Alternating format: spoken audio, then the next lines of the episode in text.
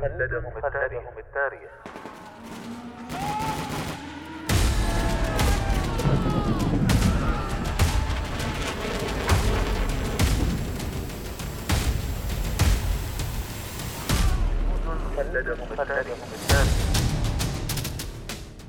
كم يفخر التاريخ العسكري برجال كتبوا سيرهم في سجلاته بحروف من الجهد والتضحية والعطاء.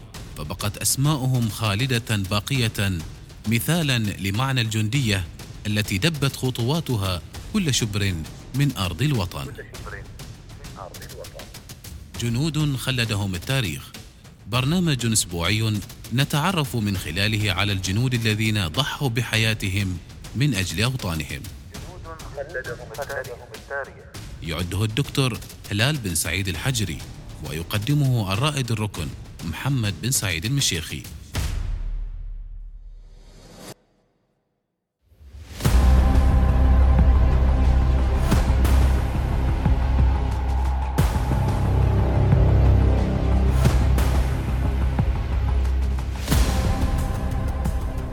جنود خلدهم التاريخ. لويلين موريس تشيلسون.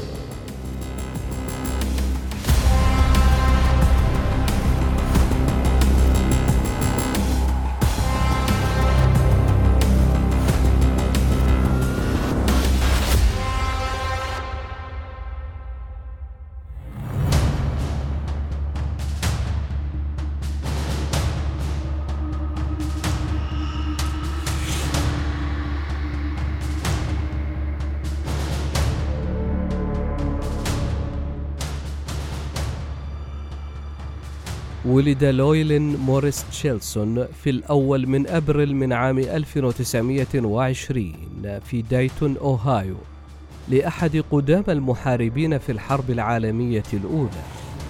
انتقلت عائلة تشيلسون لاحقا إلى جنوب أكرون بولاية أوهايو. ما مدى صعوبة طفولة تشيلسون؟ عندما كان في العاشرة من عمره صدمت والدته سيارة أمام منزلهم وقتلتها. قال لاحقا إنه أتقن مهاراته القتالية في الشوارع الوعرة حيث نشأ. في سن السادسة عشرة ترك المدرسة ليصبح سائق شاحن.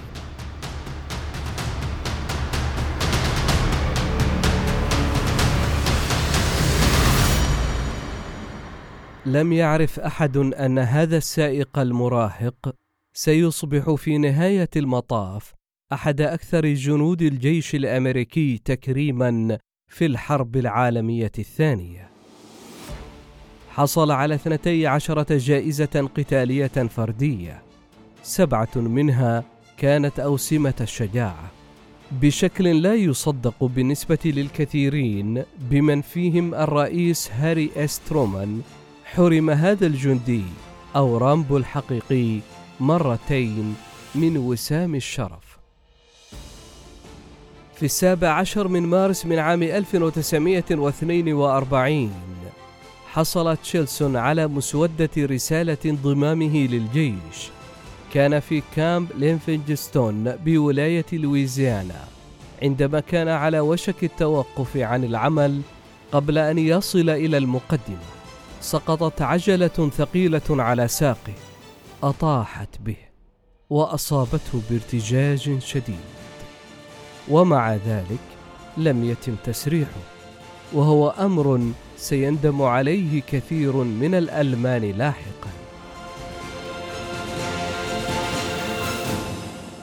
بحلول شهر يوليو من عام 1943 شارك تشيلسون في اجتياح الصقلية مع فوج المشاة 179 الفرقة 45 المعروفة باسم طيور الرعد.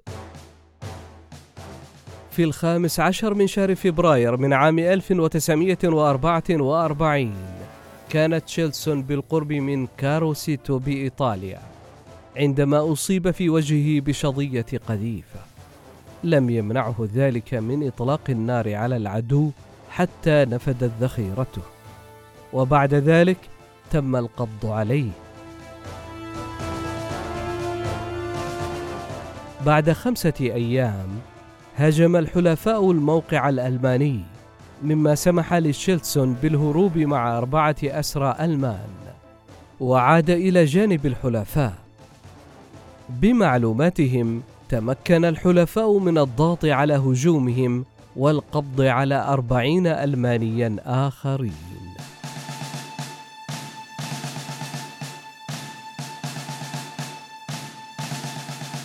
لما أصيب به من جروح في كاروسيتو حصل تشيلسون على وسام القلب الأرجواني.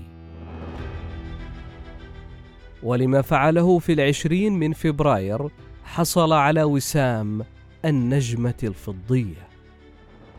بعد ذلك أصبح تشيلسون رقيبا تقنيا مع سرية جي الكتيبة الثانية في عملية السندان وتسمى أيضا دراجون.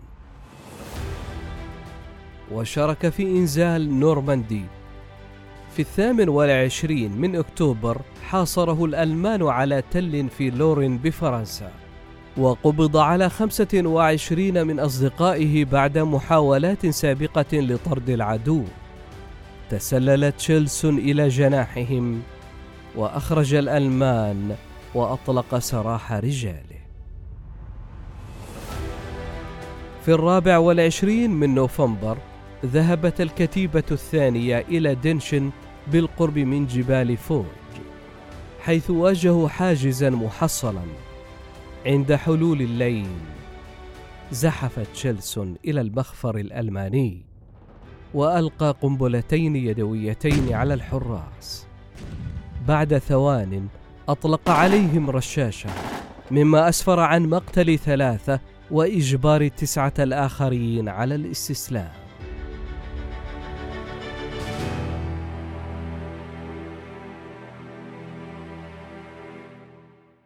قبل فجر يوم التاسع والعشرين من نوفمبر بقليل تعرضت مجموعة تشيلسون للهجوم خارج مدينة مولهاوزن. مما أجبرهم على التراجع إلى إنجولير في فرنسا.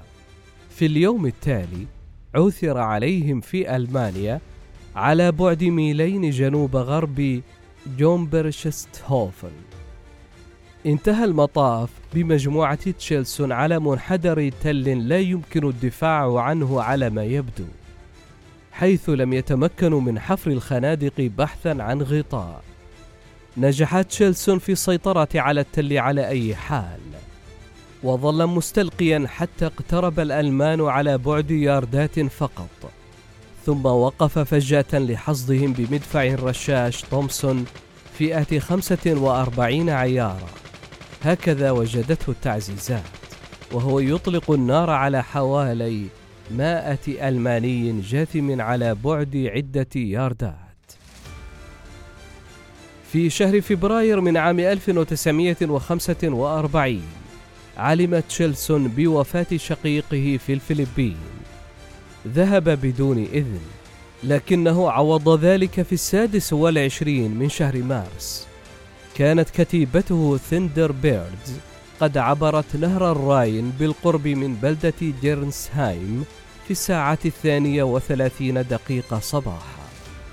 عندما أصيب اثنان من القادة تولى تشيلسون القيادة وأنقذ رجاله عندما تعرضوا لمزيد من القصف.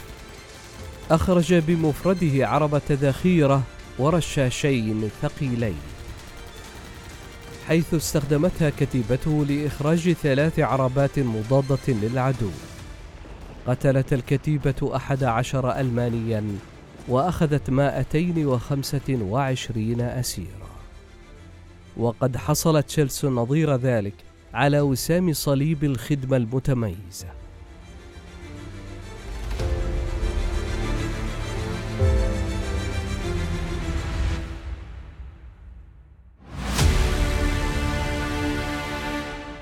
قبل الفجر بقليل.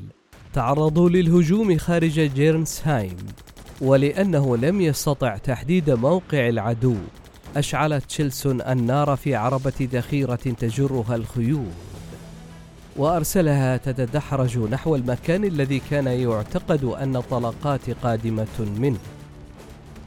أضاءت العربة المحترقة المنطقة وأثبتت أن تشيلسون على حق.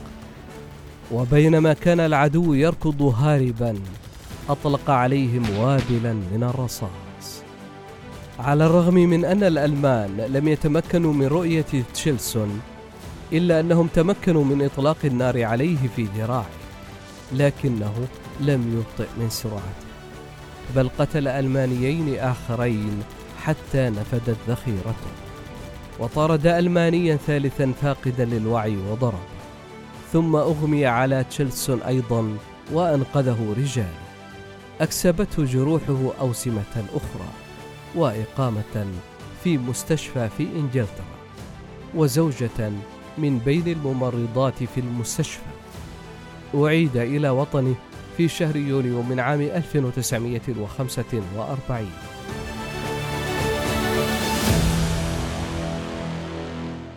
تقاعد تشيلسون في النهاية من الجيش في عام 1964 برتبة رقيب. وعلى الرغم من أنه لم يحصل على وسام الشرف فإن مكانته الأسطورية ضمنت له سمعة جيدة كجندي بطل ضحى من أجل وطنه. وهكذا أصبح تشيلسون من الجنود. الذين خلدهم التاريخ.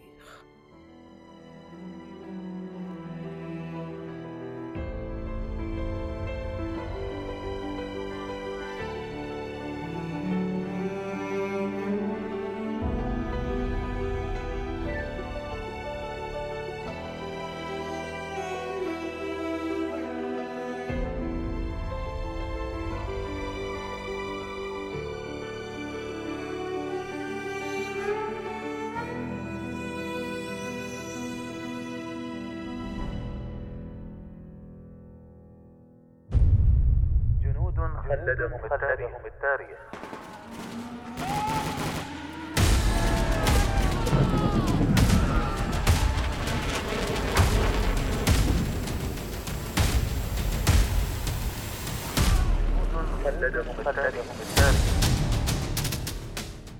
كم يفخر التاريخ العسكري برجال كتبوا سيرهم في سجلاته بحروف من الجهد والتضحية والعطاء. فبقت أسماؤهم خالدة باقية مثالا لمعنى الجندية التي دبت خطواتها كل شبر من أرض الوطن. جنود خلدهم التاريخ. برنامج أسبوعي نتعرف من خلاله على الجنود الذين ضحوا بحياتهم من أجل أوطانهم. يعده الدكتور هلال بن سعيد الحجري ويقدمه الرائد الركن. محمد بن سعيد المشيخي.